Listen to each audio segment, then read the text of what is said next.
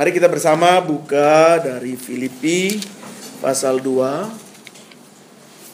Filipi pasalnya yang kedua, ayatnya yang pertama.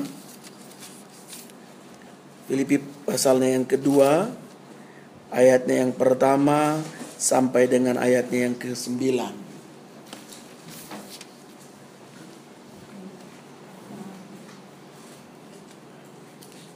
Saudara-saudara sudah menemukannya, saya membacakannya. Filipi 2 ayat 1 sampai ayatnya yang ke-9. Jadi karena dalam Kristus ada nasihat, ada penghiburan kasih, ada persekutuan roh, ada kasih mesra dan belas kasihan. Karena itu sempurnakanlah sukacitaku dengan ini Hendaklah kamu sehati sepikir dalam satu kasih, satu jiwa, satu tujuan, dengan tidak mencari kepentingan sendiri atau puji-pujian yang sia-sia. Sebaliknya hendaklah dengan rendah hati yang seorang menganggap yang lain lebih utama daripada dirinya sendiri. Dan janganlah tiap-tiap orang hanya memperhatikan kepentingannya sendiri, tetapi kepentingan orang lain juga. Hendaklah kamu dalam hidupmu bersama menaruh pikiran dan perasaan yang terdapat juga dalam Kristus Yesus, yang walaupun dalam rupa Allah, tidak menganggap kesetaraan dengan Allah itu sebagai milik yang harus dipertahankan, melainkan telah mengosongkan dirinya sendiri dan mengambil rupa seorang hamba dan menjadi sama dengan manusia. Dan dalam keadaan sebagai manusia, ia telah merendahkan dirinya dan taat sampai mati, bahkan sampai mati di kayu salib Itulah sebabnya Allah sangat meninggikan dia dan mengaruniakan kepadanya nama di atas segala nama. Saudara, eh, seperti kalian yang sudah kuliah selesai atau yang sedang, demikian halnya juga saya di tahun 2000-an. Tahun 2000 saya selesai dari seminari di Malang. Lalu saya diajak oleh salah seorang rekan senior dari alma mater yang sama untuk melayani di satu gereja. Dan ketika saya datang ke sana akan berproses di gereja tersebut untuk kemudian saya menjadi bagian dalam pelayanan di gereja tersebut untuk melakukannya. Tetapi rupanya di dalam gereja itu ada yang tidak mau menerima saya di bagian sinodenya. Nah, saya tidak tahu hal itu nanti kemudian baru saya tahu. Dan itu terbaca ketika saat saya dijadwalkan untuk wawancara di kantor sinode dari gereja tersebut. Saya datang dari jam 9 lebih awal, lalu ada seorang teman juga datang di jam yang lebih lambat dari saya, saya lebih cepat. Lalu orang yang mewawancarai ini juga hadir menemui kami dan dia memanggil teman yang datang terlambat itu lebih dahulu. Sesudah teman ini masuk dan dia mewawancarai dalam hitungan 30-an menit, selesai, keluar saya pikir ini giliran saya. Tapi rupanya saya yang baru lulus saat itu juga tunggu, duduk dari jam setengah 10 mulai lewat sampai jam 12. Begitu jam 12 saya mulai positive thinking, berpikir secara positif. Oh mungkin makan siang. Tapi saya mau pergi makan, saya takut dia panggil. Bimbang, ragu, tapi mau tidak bisa dikompromi, perut juga tetap lapar. Saya buru-buru pergi makan tapi tidak lebih dari 15 menit. Saya balik lagi. Saya balik, saya nunggu lagi sampai jam menuju ke setengah empat sore. Tidak dipanggil. Wow, apa gerangan. Mulai bingung, saya beranikan diri tanya kepada uh, TU di kantor sinode tersebut. Saya tanya, Mbak, Bapak pendeta yang mewawancarai tadi ini masih ada? Jawab dia, oh dari tadi udah pulang. Hah? Dari tadi yang pertama selesai, Pak Alfred nggak diwawancarai? Enggak, udah pulang. Oh gitu.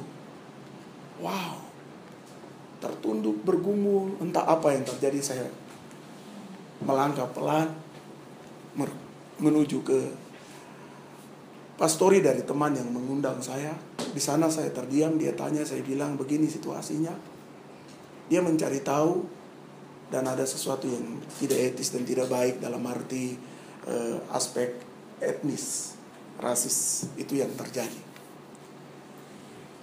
Tapi saya harus belajar untuk membiarkan atau mengizinkan hal-hal yang kadang tidak menyakitkan saya itu juga boleh terjadi pada diri saya agar saya dipoles oleh Tuhan.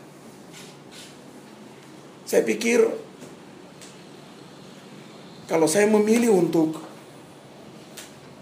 marah, sakit geram, Mungkin juga saya tidak mendapatkan keuntungan dari hal yang demikian. Tapi mengizinkan cara Tuhan di mana dia menekan dan memoles diri seseorang dengan jalan yang tidak diduga oleh saya sebelum. Mana mungkin saya berpikir ada satu lembaga gereja, seorang yang melayani di ladang Tuhan, lalu bisa ada dalam warna etika yang demikian. Itu kan tidak. Tetapi kita tidak bisa menebak kehidupan yang sedang berjalan ini.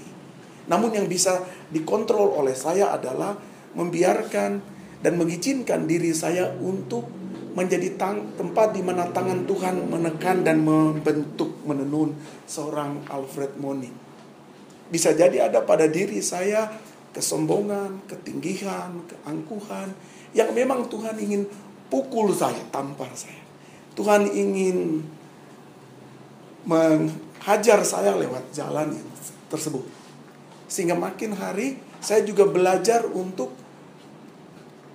tidak ego, tidak sombong, tidak tinggi hati, melainkan rendah hati.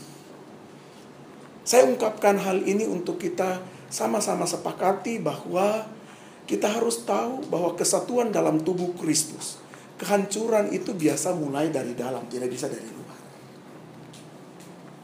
Persekutuan sebagai tempat di mana saudara dan saya hadir ini sangat berbeda. Tetapi di sanalah kita harus belajar satu dengan yang lain untuk membiarkan diri kita ini diproses oleh Tuhan dengan jalan yang tidak selalu mudah. Dan di situ keagungan jiwa Kristus yang akan hadir pada diri kita, bukan kita yaitu jiwa Kristus yang mengosongkan diri, mengambil rupa seorang hamba, menjadi sama dengan manusia. Itulah yang harusnya makin nyata dalam diri seorang Alfred Monim atau setiap kita di ladang pekerjaan Tuhan Allah. Yaitu makin kita menjadi nothing. Yaitu orang yang siap sedia dan dia membiasakan diri terbiasa dalam situasi yang juga tidak mengenakan maka akan lahir keagungan jiwa Kristus itu sendiri. Waktu kita menilik Filipi pasal 2 ini, kita membaca jelas sekali Paulus menangkap berita Natal itu terjadi di malam Natal. Yesus hadir. Andai Yesus memilih untuk mempertahankan hak dia, hak kealahan yang dia punya dan dia tidak mau berproses masuk menjadi manusia. Maka saya pikir tidak ada satu manusia pun yang berjumpa dengan Allah dan hidup kita sia-sia. Andai kata Kristus memilih untuk tidak datang dengan segala hak yang ia punya, dia pertahankan dengan baik dan dia jaga luar biasa.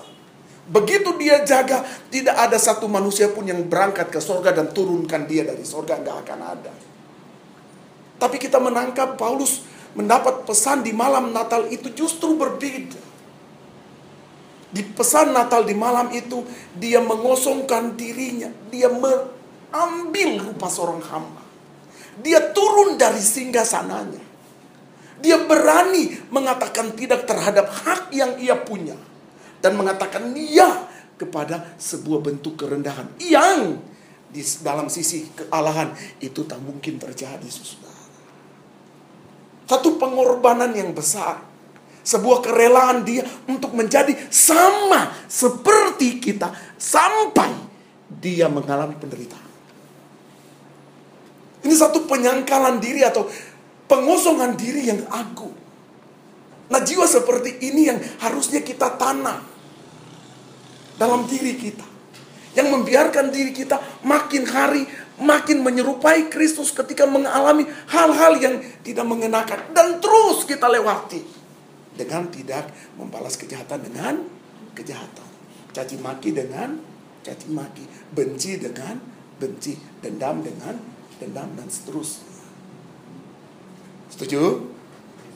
Lihat kiri kanan, gaya pendeta Alfred nih. Bilang yang duduk, makanya rendah hati. Ayo ngomong.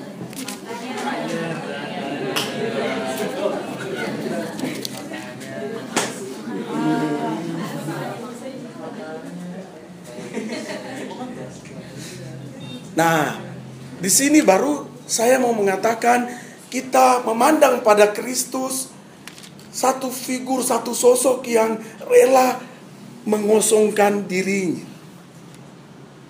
Rela mengatakan tidak terhadap hak yang ia punya dan berkata yes terhadap satu kerendahan dan penghinaan dari orang lain.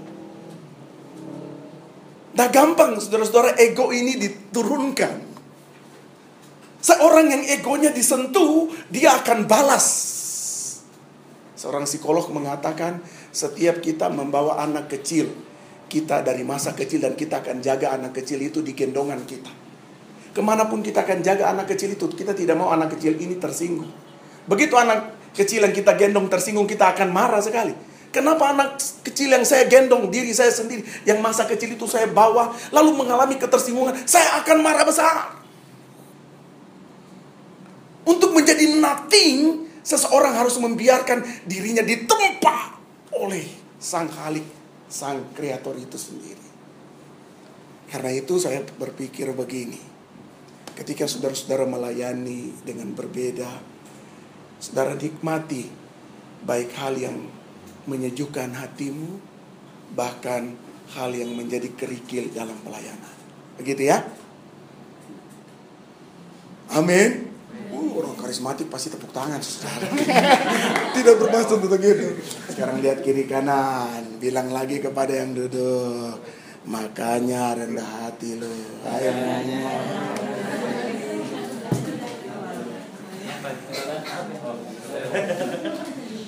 Oke, nah saudara-saudara dari situ saya sedikit ingin mengajak kita melihat apa yang dimaksud dengan mengosongkan diri.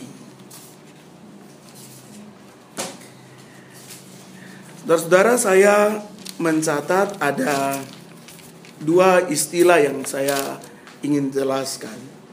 Pertama, mengosongkan diri itu ada satu istilah dalam bahasa Yunani disebut skolazo. Skolazo ini dari pengosongan ini disebut skolazo artinya ada dalam hubungan sosial yang kosong. Misalnya begini. Kalau Anda menikah lalu konflik terjadi dengan pasanganmu atau suami atau istrimu, lalu nggak ada titik temu, di dalam Korintus 1 Korintus 7 menjelaskan boleh mengambil waktu berpisah sementara untuk berdoa. Sesudah itu jangan berlama-lama, harus rujuk kembali. Jangan membiarkan kekosongan ini terus karena Anda bisa tergoda untuk jatuh di dalam dosa. Jadi kekosongan pertama itu bicara dalam hubungan sosial itu sendiri. Kalau saudara punya relasi yang kurang baik dengan orang tua, jangan berlama-lama di sana. Sesudah menggumuli, merenungkannya, pulih kembali. Misalnya kesaksian, uh, oh saya lupa nama lagi, sorry. Christine, saya salut. Sebuah kesaksian yang menggumuli, melihat, dan kemudian mengambil langkah kembali hal itu. Nah, jangan membiarkan kekosongan itu terjadi. Waktu pelayanan dengan satu dengan yang lain, hal itu dijaga dengan baik ya. Itu pertama. Jadi biasanya disebut kekosongan dalam hubungan sosial. Atau begini, ada orang yang baru bertobat. Dia percaya, jangan membiarkan orang yang baru bertobat itu kemudian tidak masuk dalam satu komunitas mengalami pertumbuhan. Karena dia baru bertobat, bisa jadi belum terisi banyak hidup spiritualnya. Dan itu memungkinkan dia diisi oleh hal yang lain. Maka harus giat selalu dalam pekerjaan Tuhan, rajin beribadah, kunjungi orang seperti itu, doakan, sharing seperti ini, kita dengarkan bersama, saling menguat, menguatkan. Nah, di sana kita kemudian mengalami relasi yang baik, hubungan yang baik, tidak ada lagi kekosongan-kekosongan itu. Yang kedua, kita tahu istilah di sini itu kekosongan adalah kenosis. Yang selalu saudara-saudara dengar banyak dikotbahkan. Nah, kenosis itu artinya apa? Seseorang yang absen dari sesuatu yang ia bisa miliki. Misalnya ya, kalau Anda marah, saya bisa marah. Tapi saya mau mengabsenkan diri saya dari sesuatu yang saya bisa. Saya mau berkata kepada diri saya, tidak. Kalau Anda berlakukan itu, saya juga bisa. Tapi saya mau berkata tidak. Saya mau berani belajar untuk tidak melakukan seperti itu. Meskipun saya punya potensi, kemampuan. Ini adalah orang yang betul-betul kenosis.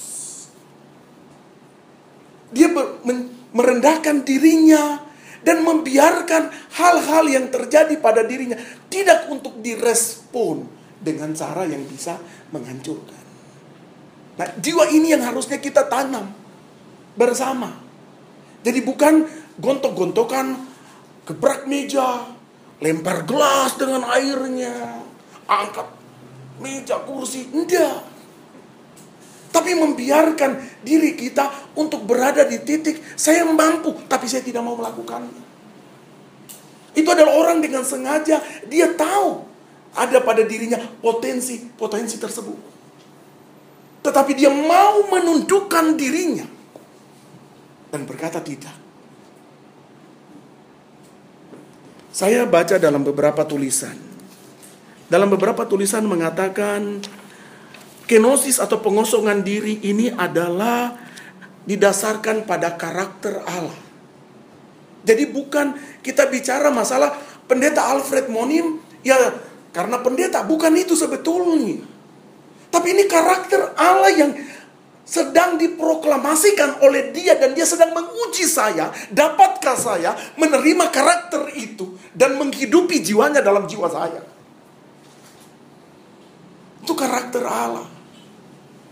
Maka saudara-saudara bisa baca misalnya di Mazmur mengatakan, siapakah seperti Tuhan Allah kita yang diam di tempat yang tinggi, yang merendahkan diri, membungkuk dalam bahasa letterletnya. Dia membungkuk untuk melihat ke langit dan ke bumi, ia menegakkan orang yang hina dari dalam debu dan mengangkat orang yang miskin. Jadi saya bicara tentang kenosis pengosongan diri berkata tidak terhadap potensi yang kita bisa lakukan. Ini bukan potensi eh, membicarakan kita ini baik dan orang lain tidak baik. Bukan itu. Tapi kita sedang bicara tentang karakter Allah. Allah yang mau merendah itu, Allah yang mau membiarkan dirinya sama dengan orang. Karakter jiwa itu ada tidak bagi hidup dan panggilan kita. Jadi orang yang rendah hati itu bukan untuk menunjukkan kepada orang bahwa saya sedang rendah hati, bukan itu. Karena ini karakter Tuhan. Maka orang rendah hati tidak akan pernah sombong. Dan orang yang rendah hati tidak akan pernah mencari muka untuk dihormati. Dan tidak dianggap oleh orang lain bahwa dia sedang rendah hati. Tidak.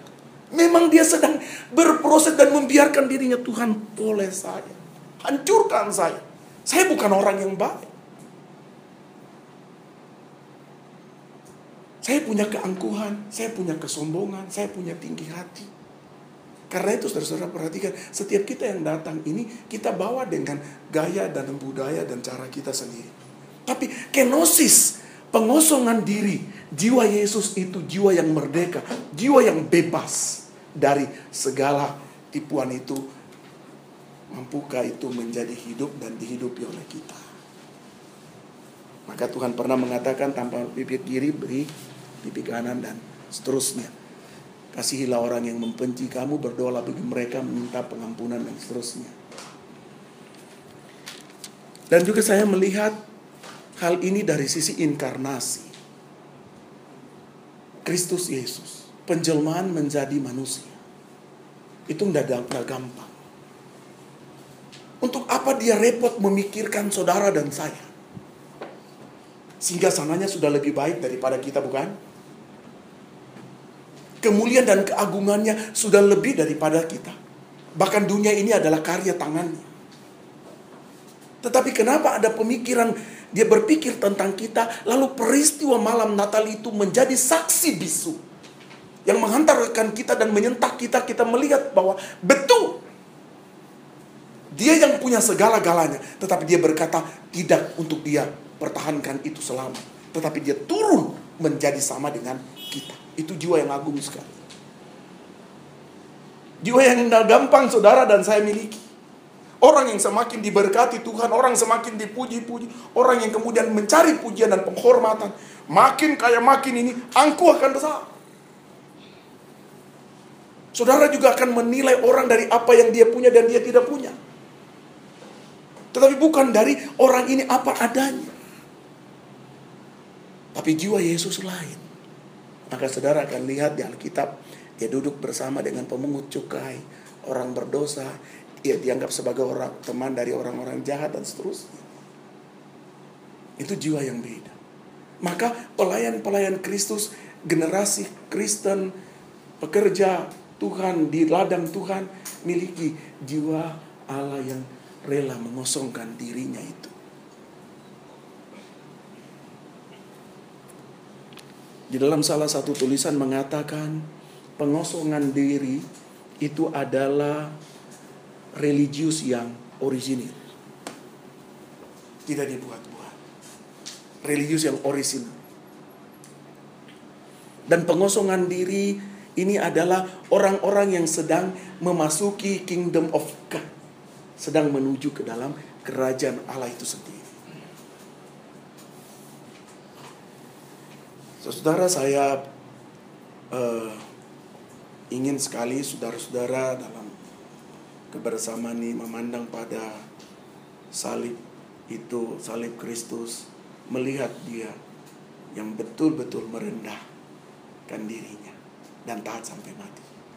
Jiwa itu yang harus lekat dalam jiwa kita. Ya. Jadi saudara dan saya harus siap dan bersedia untuk disalah mengerti oleh orang lain. Harus. Begitu ya. Saudara-saudara saya masuk seminari Alkitab Asia Tenggara Malang 93. Saya datang dari Papua, saudara baru selesai SMA tahu masih garang juga saudara-saudara. Muka keras, sampai sekarang masih keras ya saudara ya. Menyeramkan. Dan pernah juga saya pergi di Kalimantan pedalaman Kalimantan Timur dua bulan karena tidak ada silet tuh cukur jenggot tumbuh sampai sepanjang ini saudara. Saya balik ke kampus dipanggil Kelly Kuali. Kelly Kuali itu salah satu pemimpin OPM di pedalaman. Dan saya waktu berkhotbah di mimbar saat dosen saya tatap tidak ada yang berani natap saya semua tunduk. Rektor kehormatan namanya pendeta Peter Wongso dulunya kata tenang saya tatap, saya bicara serius. Dia bilang, Fred, lu udah muka serem, jenggotan lagi, bicara kencang lagi. Celaka 12. Ya, begitulah. Nah, di waktu kami tingkat satu, dibagi kelompok. Ada diskusi. Dan saya, eh, saya menggemari tata negara. Saya dulu mempersiapkan diri untuk masuk dalam hukum. Dan eh, waktu prestasi saya di SMA Katolik Jayapura bagus, Pemda Papua mau kirim saya salah satu untuk studi dari sana, tapi saya tidak memilih untuk ke situ. Saya memilih untuk ini belajar ini. Jadi saya ke Malang. Nah, ada pembawaan-pembawaan yang, yang saya harus akui sombong, berani berdebat, dan saya juga kalau nyerang orang ya saya nyerang habis-habisan. Dia juga nyerang balik. Seperti itu. Dan saya pernah ngusir guru dari SMA. Eh di SMA kelas 1 saya usir dia tidak ngajar di sekolah itu sampai saya lulus. Dan guru takut kepala sekolah takut saya. saya bukan pemabuk, saya tidak pernah minum minum alkohol, saya tidak pernah merokok. Papa saya melayani di gereja. Orang tahu uh, Alfred Monim ini anak gembala, anak yang melayani di pendeta. Bapak saya belum pendeta sebetulnya, hanya diploma tiga. Karena bapak saya melayani di gereja, saya harus menjadi teladan pendeta kecil di dalam gereja meskipun tersiksa saudara. Waktu itu saya lihat sekali uh, seorang guru menghina salah satu teman saya perempuan dari Papua. Kami sekolah siang hari, dia mengambil sapu tangan, di sana sebutnya lenso. Dia ngelap begini, entah guru kenapa tersinggung. Karena di Papua waktu itu ada expo seperti kita Jakarta apa ini Jakarta Fair Jakarta. Mirip. Dia marah. Hei, masukin sapu tanganmu itu, lensomu itu. Kamu mau pamer di sini? Gembel orang tuamu, susah menderita, miskin melarat. Saya duduk paling depan dari dulu. Kalau saya sekolah belajar di SD SMP SMA duduk di depan karena saya mau ngerti. Kalau saya duduk di belakang pasti saya ngobrol dengan teman. Lalu dia marah begitu saya noleh ke belakang lihat teman saya ini dia menangis. Terus yang lain menghibur. Saya mikir kenapa ya? Ada apa? Saya lihat lagi. Saya bingung kok bisa marah? Saya tanya ke yang lain gara-gara sapu tangan. Hah? Sapu tangan sudah begitu saya mau ngomong, bel kelas. Hmm, uh, istirahat 15 menit. Guru ini lolos, saudara-saudara. Dia keluar. Dia pergi ke kantor uh, guru, di sana lagi makan, minum. Teman-teman semua kumpul, ngobrol. Saya tidak mau membaur dengan mereka. Alfred Molny masih marah. Saya memilih pergi ke bawah pohon mangga yang besar rimbun. Saya duduk di sana dan saya mikir lama, ini guru kurang ajar. Ini guru kurang ajar. Ntar deh. Sesudah itu mulai bel 15 menit masuk. Pada waktu masuk saya tidak mau masuk.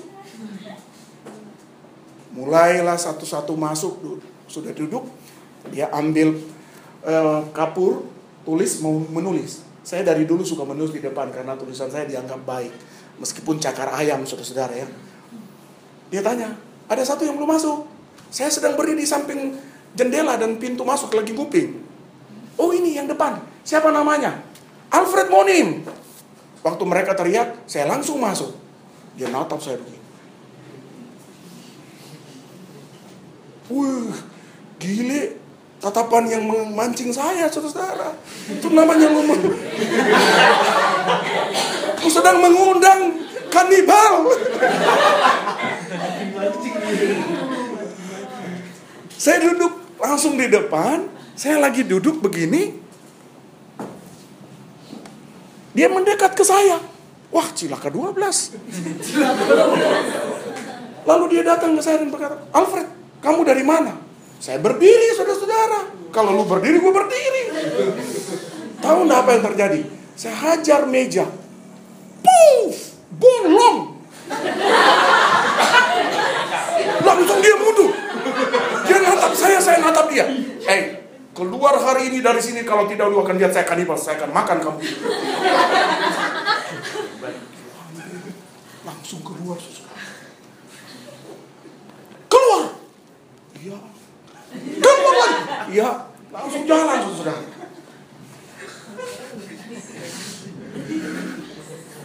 Baru tahu ya pendeta kayak ini ya.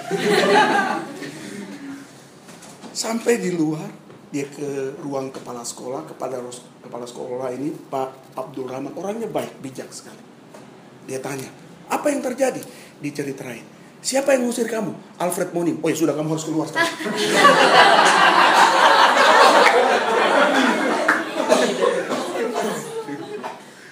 Dan betul saudara-saudara sampai saya lulus dia tidak pernah kembali lagi. Tapi saya mau mengatakan itu kesombongan saya. Nggak boleh ditiru ya. Karena itu waktu Tuhan memproses saya di situ saya harus Tuh Tuhan saya bukan orang yang baik. Saya harus mengalami. Saya harus dihajar sampai nanti. Memang harus begitu. Di situ baru saya harus menghargai, menghormati dan saya tahu ada Tuhan. Saudara itu membuat saya sampai hari ini ada sedih untuk guru tersebut bahwa saya telah melukai orang yang berjasa juga untuk saya. Tapi saya harus mengatakan Alfred Monim bukan orang yang baik. Nggak baik, nggak layak. Saya bukan orang yang terbaik dari antara orang lain yang Tuhan mau panggil. Bukan. Bahkan mungkin yang tidak terbaik. Jauh tapi itulah sebabnya saya berani untuk hadir dan kiranya Tuhan terus proses. Dan saya membiarkan itu terus terjadi. Di seminari saya masuk. Saya dihina. Karena orang Papua satu-satunya saya sendiri. Dikatain di sana, ini orang Papua ya. Saya tidur. Karena saya sejak SMA, SMP, kalau saya sekolah karena siang hari, saya selalu bawa handuk putih tahu yang panjang itu, kecil sedang. Saya selalu ikat di kepala. Jalan saya itu dari danau saya pakai perahu sampai di hutan jalan kaki terus sampai keluar di lapangan terbang Sentani yang sekarang. Lalu jalan lagi terus sampai di sekolah hampir sekitar 15-16 kilo. Setiap hari pulang jam setengah tujuh. Bisa jam 9-10 malam di kampung. Saya tinggal dengan nenek saya.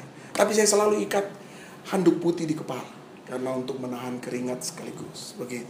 Kebiasaan itu saya bawa ke saat malam saya tidur di kamar, saya ikat handuk putih, saya tidak mau pakai bantal, karena bantal kalau saya oleng sana sini bisa kepala jatuh, kalau ini ikatan ini saya tidur ke mana pun aman dah. Jadi saya tidur seperti itu. Lalu ada teman-teman sekelompok datang dari kelompok diskusi yang berbeda dengan saya. Lalu di kamar itu ada teman yang sekelompok dengan mereka, teman saya yang sekelompok dengan mereka. Dia tanya, itu Alfred udah tidur belum? Itu kayaknya udah tidur. Padahal saya belum tidur, saudara. Saya cuma tutup mata merem begini. Coba, coba, coba. Cium, cium. Badannya bau nggak ya? Waduh, saudara-saudara. Saudara tahu sisir bambu orang Papua? Yang semua dibuat dari bambu. Itu kalau nusuk tuh enak tuh. Saya lagi nyisir rambut dan saya sedang taruh di samping. Sombong tuh. Dia tuh orang Papua. Hitam-hitam udah jelek lagi. Mereka ngomong pelan, tapi saya dengar semua. Waktu mereka ngomong saya rekam, tapi saya doa saudara-saudara. Saya doa, doa, doa, doa, doa. Eh entah kenapa saya tertidur langsung. Ini aja punya Tuhan saudara. Begitu saya tertidur, sampai pagi, teman-teman ini sudah senang aja mereka.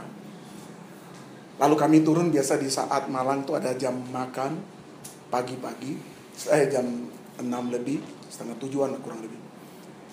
Turun ke sana kita duduk meja yang diatur di asrama, asrama sekolah teologi ini kayak militer. Kalau Anda duduk di meja itu, itu tempatnya sampai satu semester, nggak boleh pindah-pindah. Tempat ibadah juga duduk di tempat itu nggak boleh pindah-pindah. Karena dosen akan pantau siapa yang asal-asalan, siapa yang rajin ibadah, siapa yang nggak kelihatan. Kelakuannya buruk akan diskors. Jadi yang kita yang nakal-nakal ini harus alim-alim saudara. Saya duduk lagi makan, mereka juga makan. Setelah itu rombongannya jalan. Lalu saya lihat ada yang kepalanya, pimpinannya, badan tinggi besar. Saya lihat saya bilang, man sini man.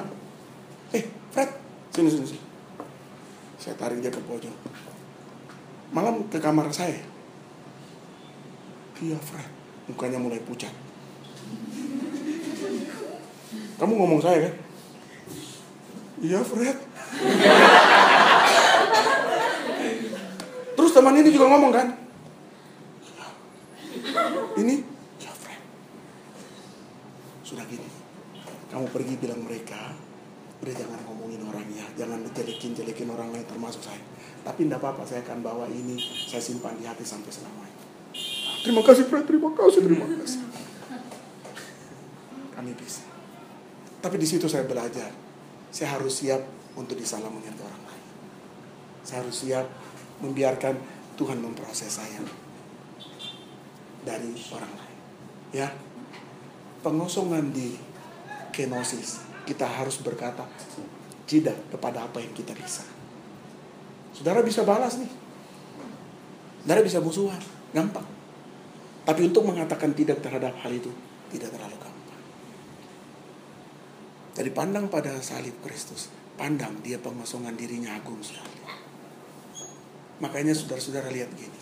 Datang ke ibadah, persekutuan begini. Siapa pun yang ngomong. Mungkin orang yang ngomong, orang yang mengajar, orang yang memimpin. Tidak secakap, secerdas, sepintar Anda.